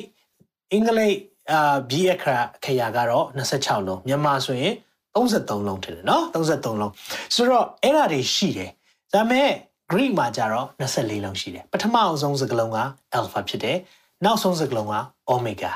alpha omega ဆိုတာပြောချင်တဲ့တဘောကအစဖြစ်တယ် အဆုံးဖြစ်တယ်မြန်မာလိုပြောမယ်ဆိုတော့ငါဟာကကြီးလည်းဖြစ်တယ်အားလည်းဖြစ်တယ်အဲ့ဒီသဘောမျိုးပြောတာเนาะဆိုတော့အစနဲ့အဆုံးကိုပုံဖော်ခြင်းတဲ့အရာဖြစ်တယ်ဒါကြောင့်မလို့တချို့နိုင်နိုင်တွေမှာဗာတစိတ်ရှိလဲ omega နောက်ဆုံးပေါ်နော်နောက်ဆုံးဖြစ်တယ်နောက်တချို့အရာတွေက alpha ဖြစ်တယ်ဆိုတာငါတို့ကအရင်ဆုံးထွင်တာငါတို့ကအရင်ဆုံးတွေ့တာဒါမျိုးတွေပြောချင် alpha သုံးလေးရှိတယ်နော်ဆိုတော့ဒီမှာကြည့်တဲ့အခါမှာငါဒီ alpha ဖြစ်တယ် omega ဖြစ်တယ်အစနဲ့အဆုံးဖြစ်တယ် နောက်ပြီးဘာကိုပြောလဲဒီလားပြစ္ဆုတ်ပံအတိတ်အနာဂတ်သုံးခုလုံးတော့ past present future သုံးခုလုံးမှာအစဉ်ရှိတယ်အဲ့ဒါအဲ့ဒါလေးကိုနားလဲစေချင်တယ်ဖခင်ကပြစ္ဆုတ်ပံအတိတ်အနာကအားလုံးမှာအစဉ်ရှိတဲ့ဖယားသခင်ဖြစ်တယ်လို့သူကိုယ်တိုင်ပြောတယ်နော်။ဒါကြောင့်မလို့ကျွန်တော်တို့နားလည်ဖို့ကယေရှုခရစ်တော်ကဖယားမဟုတ်ရင်ဒီလိုစကားဘာလို့ပြောမှာလဲ။ယေရှုခရစ်တော်ကမေရိုမာရီမှာမွေးမှာပဲဒါကဖယားသားဖြစ်လာတယ်ဆိုဘာလို့သူအဲ့လိုပြောမှာလဲ။ ဘာကြောင့်လဲ။အစဦးနိုင်နှုတ်ကပတ်တော်ရှိနှုတ်ကပတ်တော်သည်ဖယားသခင်နဲ့အတူရှိနှုတ်ကပတ်တော်သည်လည်းဖယားသခင်ဖြစ်တော်မူ၏အာမင်ပြောချင်တာပါလေသခင်ယေရှုကဖခင်ဖြစ်တယ်ဒါကိုသိစေချင်တယ်သခင်ယေရှုသည်ဖခင်သခင်ဖြစ်တယ်ဒါကိုတိတိကျကျသူကိုယ်တိုင်လည်းဒီမှာပြောထားတယ်ငါအယ်ဖာဖြစ်တယ်အော်မီဂါဖြစ်တယ်ဒါပဲပြီးသွားတာမဟုတ်ဘဲနဲ့ပြစ္ဆုတ်ပံအတိတ်အနာကအစဉ်ရှိတဲ့သာရဘုရားဖြစ်တယ်အာမင် ဒါလေးကိုပြောသွားတယ်ဟုတ်ပြီဒါကိုကျွန်တော်တို့နားလည်လာပြီเนาะဟုတ်ပြီဆိုတော့ကျွန်တော်တို့မေခွန်း၁၀ခုရှိမယ်ခုနှစ်ခုရောက်လာပြီဗျာဒိတ်ကျန်တဲ့ကအသင်းတော်ခုနှစ်ပါးဘယ်မှာရှိခဲ့တာလဲเนาะဒီမိခွန်းလဲမိခံရပါတယ်အသင်းတော်ခုနှစ်ပါး Asia Minor လို့ခေါ်တဲ့အခုချိန်မှာတော့ modern day Turkey တူရကီနိုင်ငံမှာရှိခဲ့တဲ့အသင်းတော်ခုနှစ်ပါးဖြစ်တယ်เนาะဆိုတော့အဲ့ဒီမှာစက်ဝိုင်းပုံသဏ္ဍာန်လေးဖြစ်သွားမယ် Ephesus ဆိုတာ APEC အသင်းတော်เนาะအဲ့ဒီကနေစမုံစမြင်းနာเนาะစမုံယနာเนาะကျွန်တော်နောက်ပိုင်းမှာအသေးစိတ်အသင်းတော်အကြောင်းတစ်ခုချင်းသွားဖို့လိုတယ်။ဘာကြောင့်လဲအဲ့ဒီတစ်ခုချင်းကိုသွားတဲ့ခါကျမှကျွန်တော်တို့ဘလောက်ထိအသင်းတော်ရဲ့စံနှုန်းကဖះမျှော်လင့်ထားလဲ။ယေရှုကကျွန်တော်တို့ကိုဘလောက်ထိဖြစ်စေခြင်းလဲ။ဘာတွေကြိုက်တယ်လဲ ဘာတွေမကြိုက်ဘူးလဲအာမင်ပြန်ပြောမယ်နော်ဘာတွေကြိုက်တယ်လဲဘာတွေမကြိုက်ဘူးလဲဘာတွေပြင်ဖို့လိုလဲဆိုတာကိုကျွန်တော်တို့ကိုစံနှုန်းချထားပြီးသားဖြစ်တယ်အဲကြောင့်မလို့သင်ဘယ်ဂိုင်းကနာပဲဖြစ်ဖြစ်ဒီသခင်ယေရှုပြောတဲ့အသင်းတော်ခုနှစ်ပါးရဲ့အကြောင်းအရာနဲ့လွတ်သွားလို့မရအောင်ဆိုတာကိုသိစေချင်တယ်ဒါကြောင့်အသင်းတော်ခုနှစ်ပါးဟာအခုချိန်မှာတော့ပြိုလဲဒီဒီ ရှိတဲ့နေရာမှာသူတို့တိဆောက်ခဲ့တဲ့အရာတွေကတော့အခုချိန်မှာတော့မရှိကြတော့ဘူးအခုချိန်မှာ modern day တော့ Turkey ဖြစ်သွားပြီဆိုတော့အဲ့ဒီမှာအခုဒါပေမဲ့အဲ့ဒီအသင်းတော်တွေကို စာရေးခိုင်းတဲ့အရာဖြစ်တယ်เนาะဆိုတော့သခင်ယေရှုကဘာတွေတွေ့တယ်ဘာတွေမကြိုက်ဘူးလဲဘာတွေပြင်ရမလဲဆိုတာကိုအသင်းတော်ခုနှစ်ပါးကိုစာရေးတယ်เนาะဒါကိုကျွန်တော်တို့ ਨੇ ဘယ်လိုဆက်ဆက်လဲဒီရဲ့ series ခုလုံးမှာလေ့လာသွားရအောင်เนาะဆက်ကြည့်အောင်ဗျာဒိတ်ကျမ်းကပုံဆောင်ချက်တွေကိုဘယ်လိုအတိတ်ပဲဖွင့်ဆိုရမလဲဟုတ်တယ်เนาะဗျာဒိတ်ကျမ်းမှာပုံဆောင်ချက် symbol တွေအများများတယ်ခုနဆိုလဲကျဲခုနှလုံးမီ မီမီခွက်ခုနခုနတိုင်းစသဖြင့်ဒီလိုတွေကဘာကိုပုံဆောင်တာလဲတခါလေးဆိုမကြာခဏလာလာမေးတတ်တယ်ကျွန်တော်လည်းရုပ်တရက်ဖတ်လိုက်ပြီးဆိုဟာအဲ့ဒါဘာလဲမသိဘူးဘာလဲမသိဘူးဆိုပြီးတော့တချို့ကလည်းလာမေးတာပေါ့နော်ဥပမာဆိုမီခွက်ခုနလုံးအလဲရဆိုဆရာအဲ့ဒါမီခွက်ခုနလုံးကဘာလဲမေးကြတယ်ကျွန်တော်ပြောချင်တာကအစဆုံးဖတ်ကြည့်ပါ ဘာကြောင့်လဲဆိုတော့နှုတ်ကပတ်တော်ကနှုတ်ကပတ်တော်နဲ့ပဲဖြည့်ပေးလေးရှိတယ်။နှုတ်ကပတ်တော်ကကျွန်တော်တို့အာဒါကတော့မိခွက်ခုနှလုံးဆိုတော့ဘာဖြစ်အဲ့လိုမဟုတ်ဘူး။ဘာကြောင့်လဲဆိုတော့အဖြည့်ပေးထားတယ်ဆိုတာကိုသိစေချင်တယ်။ဒီမှာဥပမာကြည့်ရအောင်။နောက်ပြရိကျန်အခန်းကြီး1စနစ်နဲ့73ခုနကျွန်တော်ဖတ်တဲ့အရာဖြစ်တယ်။ထို့သောငါနှင့်စကားပြော၏အတန်မီသောသူကိုမြင်သောအခါငါသည်လှည့်ကြည့်လင်ရွှေမီးခွက်ခုနှလုံးကို၎င်းထိုမီးခွက်ခုနှလုံးအလယ်၌လူသားတော်နှင့်တူသောသူတို့တော်မြင်၏။ဆိုတော့အဲ့ဒီမှာမေးခွန်းဖြစ်လာပြီ။ ရွှေမီးခွက်တွေတွေ့တယ်เนาะတချို့နေရာမှာကျဲခုနှလုံးလဲတွေ့တယ်ဟာဒါတွေကဘာဆိုလိုတာလဲကျွန်တော်တို့ကျမ်းစာကိုဖတ်တယ်ဆိုရင်သေချာဖတ်ပါ ပြီးရင်အစအဆုံးဖတ်ဖို့လိုတယ်။ဘာကြောင့်လဲအဖြေကပြန်ပေးထားတယ်။အဲ့ဒီ7နှစ်နဲ့73နှစ်မှာကျွန်တော်တို့တွေ့တဲ့ရွှေမီးခွက်ခုနှစ်လုံးတော့ဘာလို့ဆိုလိုတာလဲ။အငယ်20မှာအဖြေပေးတယ်။ကျဲခုနှလုံးဘာလို့ဆိုလိုတာလဲ။အဲ့မှာဖတ်တဲ့အခါမှာငါလက်ရလက်နိုင်ထင်ရှားသောကျဲခုနှလုံးဤ နဲ့ရွှေမီးခွက်ခုနှလုံးဤနဲ့နဲခြင်းအရာဟုမူကားအဲ့မှာပြန်ပြောပြတယ်။မီးခွက်ခုနှလုံးဒီဘာကိုပြောလဲအသင်းတော်ခုနှစ်ပါးဖြစ်တယ်တွေ့လားဒါကြောင့်မလို့တစ်ခါလေးမှာကျွန်တော်မေးခွန်းမေးမယ်ဆိုရင်ပြောလိုက်တာနဲ့ဘာပြောမှမသိဘူးစသဖြင့်ပေါ့တခုတွေ့တာနဲ့အဲတချို့တွေဆိုလဲဒီကြမ်းမိုက်ကဘာဆိုလိုတာလဲ အဲ့လိုမေးလို့မရဘူး context ဆိုတာအဆက်ဆက်အကျိုးကြောင့်ဆက်ဆက်မှုအရန်လိုအပ်တယ်ဆိုတာသိစေချင်တယ်တခါလေကျွန်တော်တို့ကကြမ်းပိုက်တစ်ပိုက်ကိုတွေ့ပြီးတော့ဒါဘာကိုပြောတာလဲဖြည့်ရှင်းရသိခဲ့ပါတယ်ဖြစ်နိုင်မယ်ဆိုရင်အဲ့ဒီတစ်ခါလုံးဖတ်ပါနားမလည်သေးဘူးဆိုရင်အရှိတခန်းအနောက်တခန်းအောင်ဖတ်ကြည့်ပါသုံးခန်းလောက်ဖတ်လိုက်တဲ့အခါမှာတခါလီမှာကျွန်တော်တို့အဖြေကိုနားလည်တယ်ဆိုတာကိုသိစေချင်တယ် ဆိုတော့ဒါဆိုရင်မိခွက်ခုနှစ်လုံးကဘာပြောတာလဲเนาะဆိုတော့ခုနကျွန်တော်အငယ်7နှစ်နဲ့7လုံးမှာခေါင်းတွေကုတ်ပြီးတော့ရွှေမိခွက်ခုနှစ်လုံးကဘာလဲမသိဘူးเนาะဆိုပြီးတော့စိတ်ပူဖို့မဟုတ်ဘူးတချို့နေရာမှာအဖြေကပြန်ပြီးပြောပြထားပြီးတယ်ဆိုတာကိုသိစေချင်တယ်အဲ့မှာရွှေမီးခွက်ခုနှစ်လုံးကအသင်းတော်ခုနှစ်ပါးဖြစ်တယ်အဲဆိုကျဲခုနှစ်လုံးကရောထိုးခုနှစ်ပါးသောအသင်းတော်တို့ကိုအုပ်တော်တမန်နော် messenger လို့လည်းသုံးတယ် angel လို့လည်းသုံးထားတယ်เนาะဆိုတော့ messenger angel ဘာကိုပြောတာလဲ သင်အုပ်ဆရာတွေကိုပြောတာเนาะဒါကြောင့်မလို့ဒီမှာကြည့်တဲ့အခါမှာရွှေမီးခွက်ခုနှစ်လုံးကဘာလဲအသင်းတော်ခုနှစ်ပါးကျဲခုနှစ်လုံးကဘာလဲသင်အုပ်ဆရာတွေပေါ့ဒါကိုနားလည်ဖို့ဖြစ်တယ်ဟုတ်ပြီเนาะဟုတ်ပြီမိခွန်းကြီးတွေဖြစ်လာပြီဗျာဒိတ်တော်တွေကိုရှင်ယောဟန်ကနေဆင်ပေးတဲ့သခင်ယေရှုရဲ့ရည်ရွယ်ချက်ကပါလေဒါဆိုရင်ဒီရဲ့ရည်ရွယ်ချက်ကြီးကပါလေဒီမှာကျွန်တော်တို့ကိုဗျာဒိတ်ကျမ်းဒီမှာအသေးစိတ်ကိုရေးထားပေးတယ် အသင်းတော်ခုနှစ်ပါးကိုပို့လိုက်တယ်အသင်းတော်ခုနှစ်ပါးဒါတွေကိုဖတ်တယ်ပြန်ပြီးကူးတယ်ခေတ်ဆက်ဆက်ဖြန့်ဝေတဲ့အခါမှာနောက်ဆုံးကျွန်တော်တို့လက်ထဲမှာဗျာဒိတ်ကျမ်းရောက်လာတယ်အာသိခက်တာပဲဆိုပြီးတော့တချို့မဖတ်တော့ဘူးတချို့ကလည်းဒါတွေကိုအရင်သိချင်တယ်အမျိုးမျိုးရှိလိမ့်မယ်ဒါပေမဲ့အဲ့ဒီသခင်ယေရှုရဲ့ရွယ်ချက်ကပါလေဘာလို့ပေးတာလဲအာမင်စကြည်အောင်အဲ့မှာပေးတဲ့အကြောင်းအရာကအကြောင်းရှိတယ်ဘာဘာကြောင့်ပေးတာလဲဆိုရင် အာအငယ်၁၇နဲ့20ကိုဖတ်သွားပါမယ်။ထိုသူကိုငါမြင်တော့ကသေမတတ်ဖြစ်ပြီနော်။ရှင်ယောဟန်ကသခင်ယေရှုကိုမြင်တဲ့အခါမှာအယံကြောက်ရွံ့စွာနဲ့ပြက်ဝကိုကိုွယ်ရစွာနားလဲစေခြင်းနဲ့ထိုသူသည်လက်ရတော်မှာသင်ပြီးကြောက်ရွံ့ခြင်းမရှိနဲ့ငါသည်အူးဆုံးသောသူနောက်ဆုံးသောသူဖြစ်တယ်နော်။အမှအငယ်၁၈ကိုကျွန်တော် highlight လုပ်ထားတယ်။အသက်ရှင်သောသူလည်းဖြစ်တယ် သိနေတဲ့ဖျားမဟုတ်ဘူးအသက်ရှင်တဲ့ဖျားဖြစ်တယ်အဲ့ဒါအောင်နံပါတ်1သိရမယ်ငါသည်အရင်သိသည်ဖြစ်၍ကဘာအဆက်ဆက်အသက်နဲ့ပြည့်စုံတယ်ခရစ်တော်ရဲ့အသေးခံခြင်းကိုပြောတာဖြစ်တယ်ကားတိုင်းပေါ်မှာအသေးခံခြင်းအဲ့ဒါအရင်သိတယ်လို့ပြောတာဟာကားတိုင်းပေါ်မှာအသက်ပေးတဲ့အရာကိုပုံဆောင်တာဒါကိုရည်ညွှန်းတာဖြစ်တယ်ပြီးရင်ကဘာအဆက်ဆက်အသက်ဆိုတာ everlasting life နော်အမြဲတမ်းမသေးတော့မဲ့အသက်ထာဝရအသက်ကိုပြောတာဖြစ်တယ်ပြည့်စုံတယ်အဲ့ဒီမှာမရနာနဲ့မရနာနိုင်ငံကိုလည်းငါအစိုးရတယ်ပြောချင်တာအခွင့်အာဏာအားလုံးကစီမှာရှိတယ်ဒါကြောင့်မလို့ပြောပြမယ်ပြစ္ဆုတ်ပံအတိတ်အနာဂတ်အားလုံးကိုချပြလို့ရတယ်ဘာရည်ရွယ်ချက်လဲရည်ရွယ်ချက်တစ်ခုပဲရှိတယ်ငါ့ကိုယုံလို့ရတယ်သခင်ယေရှုကကျွန်တော်တို့ကိုပြောနေတာငါ့ကိုယုံကြည်လို့ရတယ်ဘာကြောင့်လဲ အခုမတွေ့သေးတဲ့အနာဂတ်အားလုံးကြိုပြီးတော့ပြပေးလို့ရတယ်။ဘာကြောင့်လဲငါဟာအတိတ်ပြစ္ဆုတ်ပံအနာဂတ်ကိုပိုင်နေဖရားဖြစ်တယ်။ဟာလေလုယာ။အဲ့လိုပြောနိုင်တဲ့ဖရားသခင်ယေရှုပဲရှိတယ်။ဒါကြောင့်မလို့ကျွန်တော်တို့ကိုးကွယ်တဲ့ဖရားဟာအသက်ရှင်နေတပါဆက်ဆက်အသက်နဲ့ပြည့်စုံတဲ့ဖရားဖြစ်တယ်ဆိုတာပြောပြချင်တယ်။ ဒါကြောင့်မိတ်ဆွေ confidence ရှိပါဖះကိုယုံကြည်တဲ့အခါမှာ confidence ရှိဖို့လိုတယ်။ဘာ confidence လဲဘာယုံကြည်မှုလဲဟာဖះကတကယ်ရောဟုတ်ရဲ့လားမိတ်ဆွေဒီထဲမှာရှေ့ဖြစ်မဲ့ရာအကုန်ပြောထားပြီးသားဒီအရာတွေတဖြည်းဖြည်းပြည့်စုံလာတဲ့အခါမှာအော်ဖះကဘယ်လိုသိတာလဲဘာကြောင့်ဖះရဲ့လူတွေကဒါတွေကိုရေးနိုင်တာလဲဖះကိုယ်တိုင်ဖွင့်ပြလို့ဖြစ်တယ်။ဒါကြောင့်မလို့တကယ်ရှုရဲ့ရည်ရွယ်ချက်ကပါလေ။ ဗျာဒိတ်တွေကိုရှင်ယောဟန်ကနေတစ်ဆင့်ဘာကြောင့်ပေးတာလဲပေးတဲ့သဘောဟာသူဟာအတိတ်ပစ္စုပန်အနာဂတ်ကိုပိုင်တဲ့အတွက်သူ့ကိုတဘဝလုံးအနံယုံကြည်လို့ရတယ်ဆိုရရည်ရွယ်ချက်ဖြစ်တယ်ဟာလေလုယာသင်သက်တာအနံပြီးပြီလားကျွန်တော်သိချင်တယ်သင်ဘဝကိုအနံပြီးပြီလား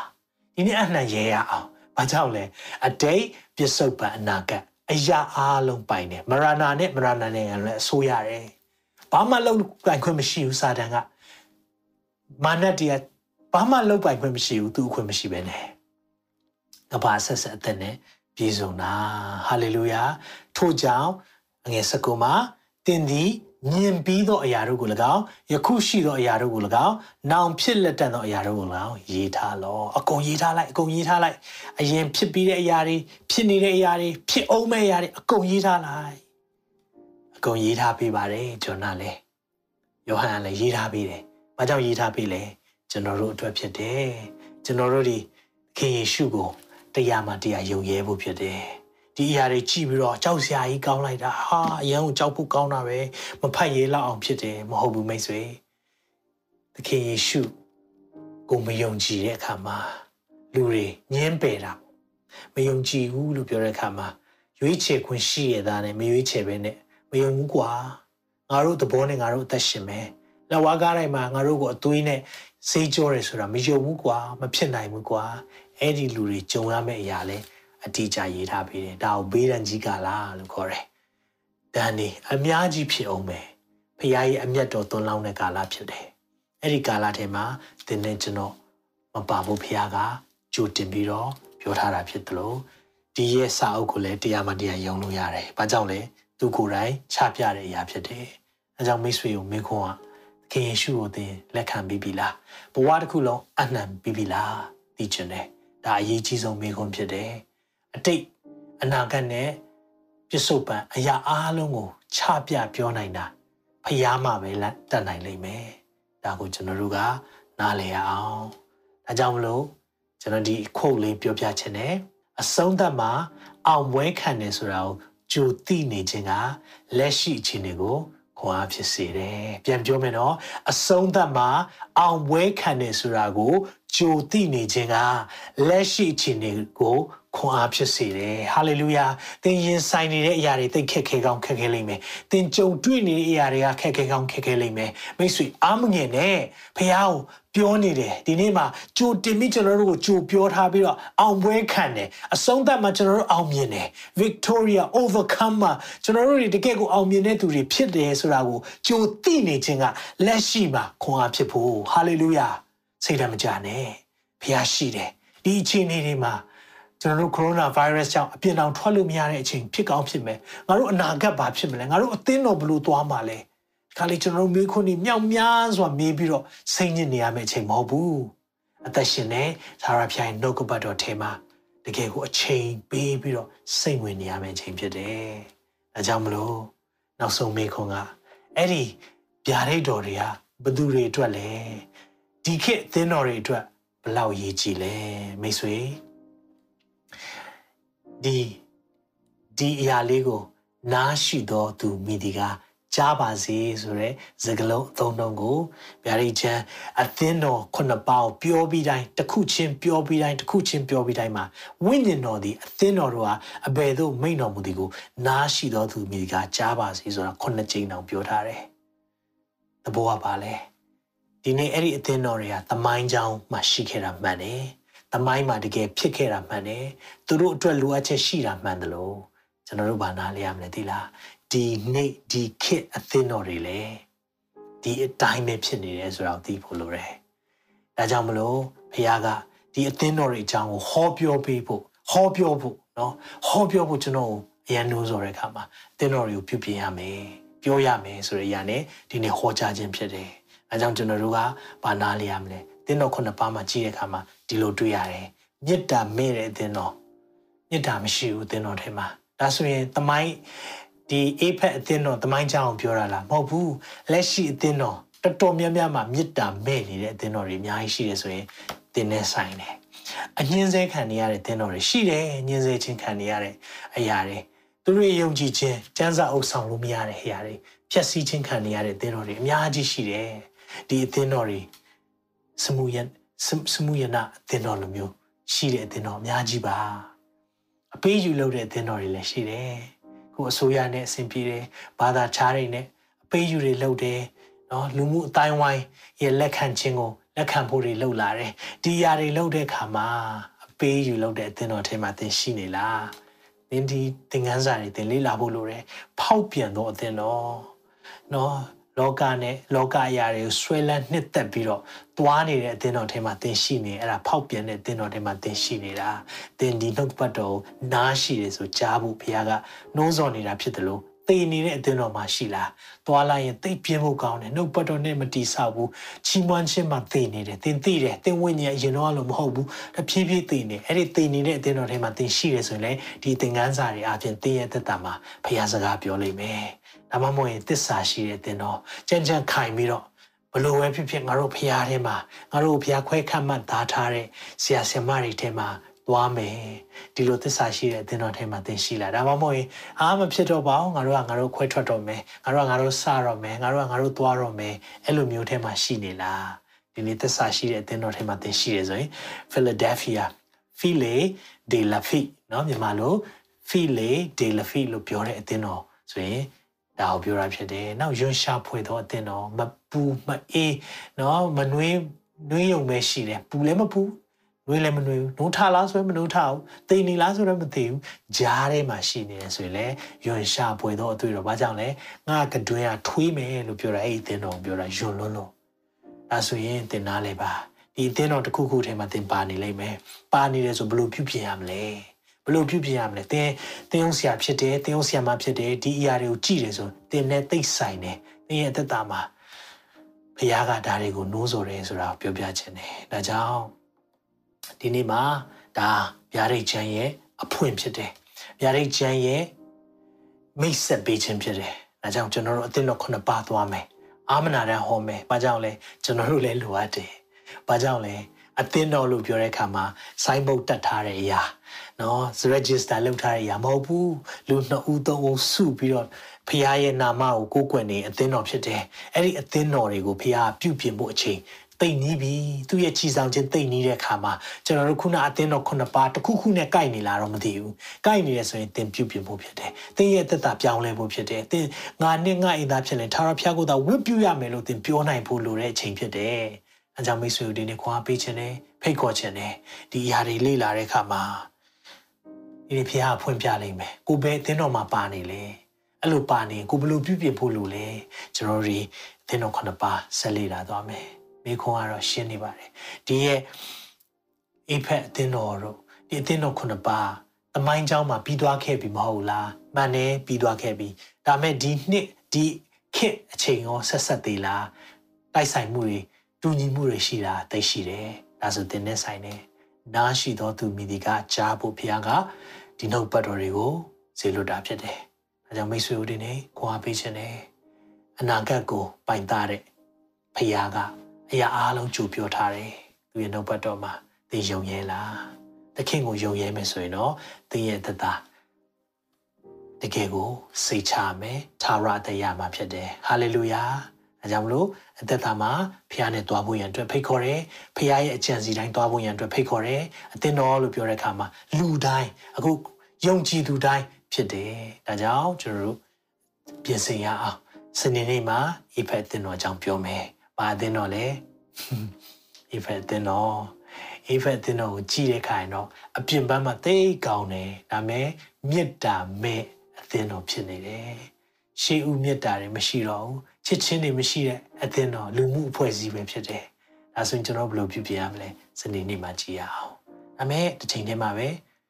ဒီကိုဒီနေ့စိန်ခေါ်ခြင်းတယ်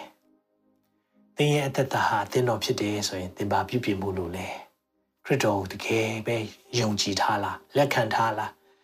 အတိတ်ပြစ္ဆုတ်ပံအနာဂတ်အရာအလုံးချပြတဲ့အရှင်ကိုသင်အားကိုးနေလားဒီနေ့မိကိုမေ့ခြင်းနဲ့စိန်ခေါ်ခြင်းနဲ့ ခဏလောက်ဆက်ကပ်ပေးမယ်ဂျေဇုရှင်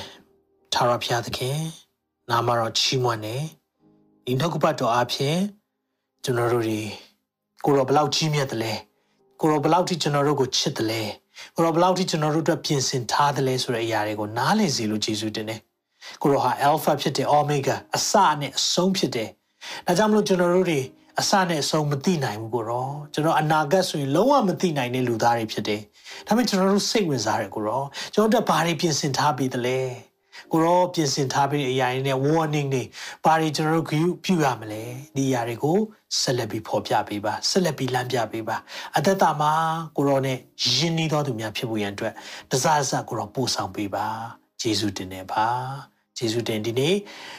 အွန်လိုင်းကနေကြည်နေသူများတက်တာမှာလဲခွန်အားဖြစ်စီပါသူတို့အိပ်ပျော်နေတဲ့အသင်းတော်ထဲမှာရှိတယ်ဆိုရင်မေတ္တာမဲ့တဲ့အသင်းတော်ထဲမှာရှိတယ်အပေးယူလုပ်တဲ့အသင်းတော်ထဲမှာရှိတယ်ဆိုရင်ကိုရောဒီအရာတွေကိုပြုပြင်နိုင်ပါမိကြောင်း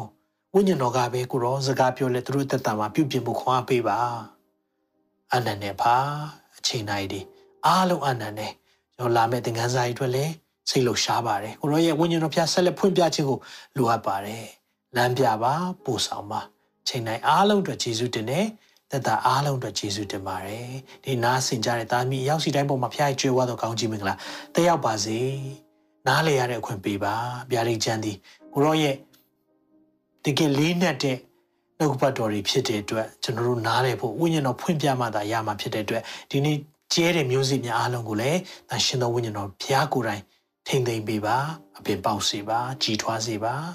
မြတ်တော်မူတဲ့သခင်ယေရှုနာမ၌ဆုတောင်းဆက်ကပ်ပါ၏အာမင်အာမင်ရစီတိုင်းဖျားရှင်ကောင်းကြီးပေးပါစေယေရှုတင်နဲ့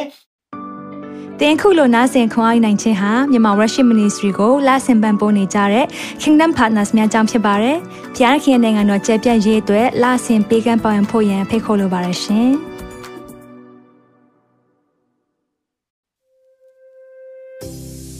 ကြားနာခဲ့ရတဲ့နှုတ်ပတ်တော်အဖြစ်ခွန်အားရရှိမဲ့လို့ယုံကြည်မျှော်လင့်ပါတယ်။ခွန်အားရဆိုလို့ရှိရင်ဒီတစ်ပတ်နဲ့ပြန်လည်ဝင်မြပေးဖို့ရန်တောင်းဆိုပါရစေ။မြန်မာ Worship Ministry ရဲ့ website myanmarworship.com ကိုလည်းလာရောက်လေ့လာဖို့ရန်တက်ဖိတ်ခေါ်ချင်ပါတယ်။တစ်ချိန်တည်းမှာမြန်မာ Worship Ministry ရဲ့ social media platform များဖြစ်တဲ့မြန်မာ Worship YouTube Channel, မြန်မာ Worship Facebook Page နဲ့မြန်မာ Worship Instagram များကိုလည်းလာရောက်လေ့လာဖို့ရန်အတွက်ဖိတ်ခေါ်ချင်ပါတယ်။နောက်တစ်ချိန်မှာပြန်လည်ဆုံတွေ့ကြပါစို့။ဖျားရှင်ကောင်းကြီးပေးပါစေ။